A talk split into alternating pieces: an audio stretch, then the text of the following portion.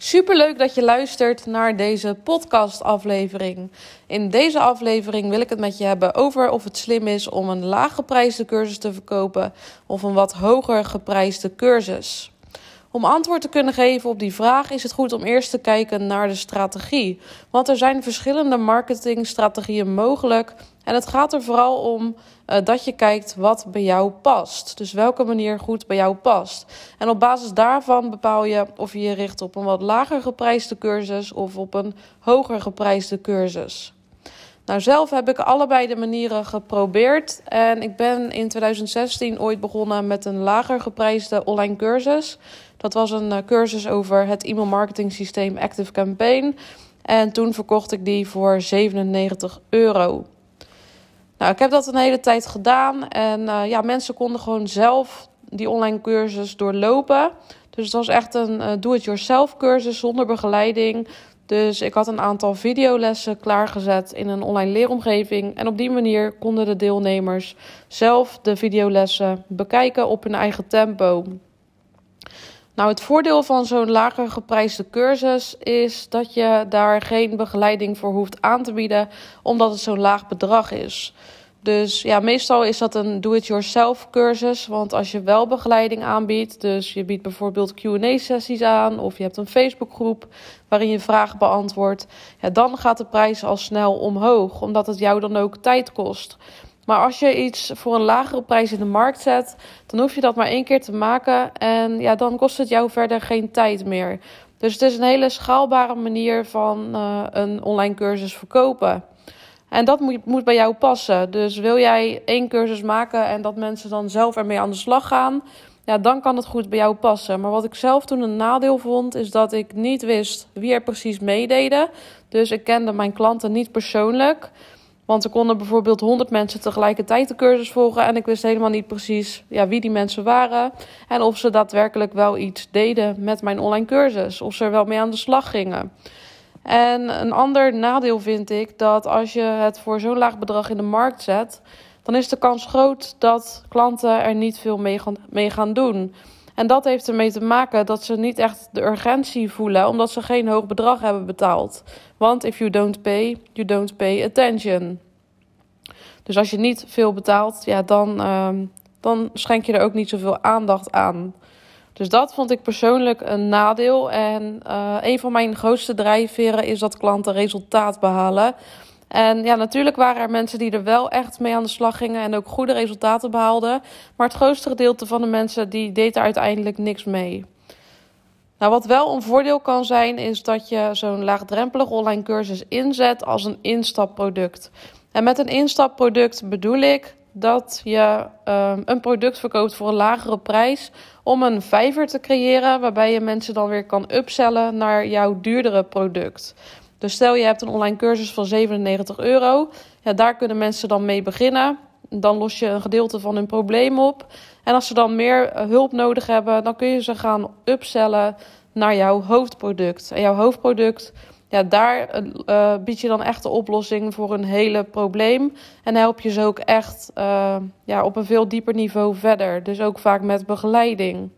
Dus zo zou je het wel kunnen aanpakken. En als je het op die manier aanpakt, ja, dan hebben mensen dus al met jou kunnen kennismaken door er een laag bedrag voor te betalen.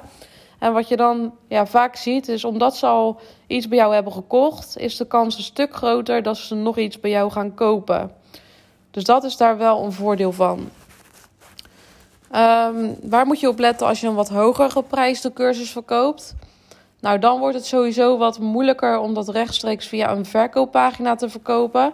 Dus als jij een lagere, lager geprijsde online cursus hebt, dan kun je dat prima verkopen via een verkooppagina op jouw website. Dus ik heb meestal de richtlijn dat als jouw cursus maximaal 300 euro kost, dan kun je dat prima verkopen via de verkooppagina op jouw website en via de funnel. Dus dan kan die uh, verkoop helemaal automatisch lopen. Zonder dat daar contact voor jou, met jou bij nodig is. Dus wat je zou kunnen doen, is je maakt een gratis weggever. Um, vervolgens komen mensen in de e-mail funnel. Je stuurt een aantal mails over jouw aanbod. En je linkt daarbij rechtstreeks naar de verkooppagina. En daar kunnen mensen jouw online cursus rechtstreeks kopen. Dus dat kan met een lagere, lager geprijsde online cursus. Maar zodra jouw cursus wat hoger geprijsd is, dus boven de 300 euro, dan zal je ook een andere verkoopmethode moeten inzetten. En dan is het vaak een webinar of bijvoorbeeld een verkoopgesprek wat je inzet. Dus dat kost jou wel wat ehm, meer tijd. Natuurlijk kun je een webinar ook automatiseren. Uh, dus je kan een webinar automatisch laten afspelen, dat zou kunnen. Uh, maar als jij een verkoopgesprek inzet, ja, dan kost het jou dus wel echt tijd om één op één zo'n gesprek te voeren met jouw potentiële klant. En zo'n verkoopgesprek voeren hoeft natuurlijk helemaal geen probleem te zijn, want het is juist een hele goede manier van verkopen. Omdat je tijdens zo'n verkoopgesprek echt één op één contact hebt met jouw potentiële klant. Dus je kan ook echt heel goed inzoomen op de situatie van jouw potentiële klant.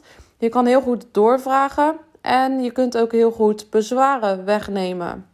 En het is ook een heel goed filter, want je kan zien of er een match is tussen jou en de potentiële klant en of ze geschikt zijn voor jouw online cursus. Dus het is ook een heel goed filter wat je daarmee inzet. Uh, wat een voordeel is bij een wat hogere prijsde online cursus, uh, daar richt ik me nu zelf uh, voornamelijk op. Dus ik heb zelf een groepsprogramma van 12 weken, dat heet de Funnel Flow Academy. Nou, het voordeel daarvan is dat je veel meer begeleiding kan aanbieden. Dus wat ik doe bij de Funnel Flow Academy is dat de deelnemers toegang krijgen tot de online omgeving. In die online omgeving staan al de modules die ze kunnen bekijken. En ja, daarin heb ik kennis gestopt die voor iedereen relevant is. Maar er komen natuurlijk altijd vragen tijdens de implementatie van die kennis. Dus ik heb ook een Facebookgroep toegevoegd. En in die Facebookgroep kunnen de deelnemers al hun vragen stellen. En daarmee zorg ik ervoor dat ze niet vastlopen tijdens het online programma. Um, daarnaast zijn er ook calls. Dus ik heb iedere week een call via Zoom daar kunnen alle deelnemers aan meedoen. En de ene week is dat een technische call. Dus daarbij zoomen we heel erg in op de technische kant van funnels. Dan kunnen mensen echt hun technische vragen stellen. En de andere week is dat meer een coaching call. Dus dan gaan we kijken naar bijvoorbeeld, ja, waar loop je nu precies vast? Is dat bijvoorbeeld op het gebied van mindset? Of heb je vragen over de strategie van de funnel? Dus dan kijken we meer naar die kant van de funnel. En op die manier ja, zorgen we er dus voor dat de deelnemers echt stappen zetten en dat ze ook goede resultaten behalen. Want mensen hebben altijd een stukje begeleiding nodig en een stukje stok achter de deur. En dat creëer ik met die calls. Door iedere week een call te geven, ja, krijgen mensen weer de herinnering van: oh ja, ik moet ermee aan de slag. Ik zorg ervoor dat ik bij die call aanwezig ben, want dan kan ik weer stappen zetten. Dus dat vind ik zelf een heel groot voordeel van een hoger geprijsd online programma. Dat je echt die begeleiding kan aanbieden. Dus dat kan goed bij jou passen als jouw drijfveer echt is dat klanten goede resultaten behalen en echt aan de slag gaan met jouw online programma.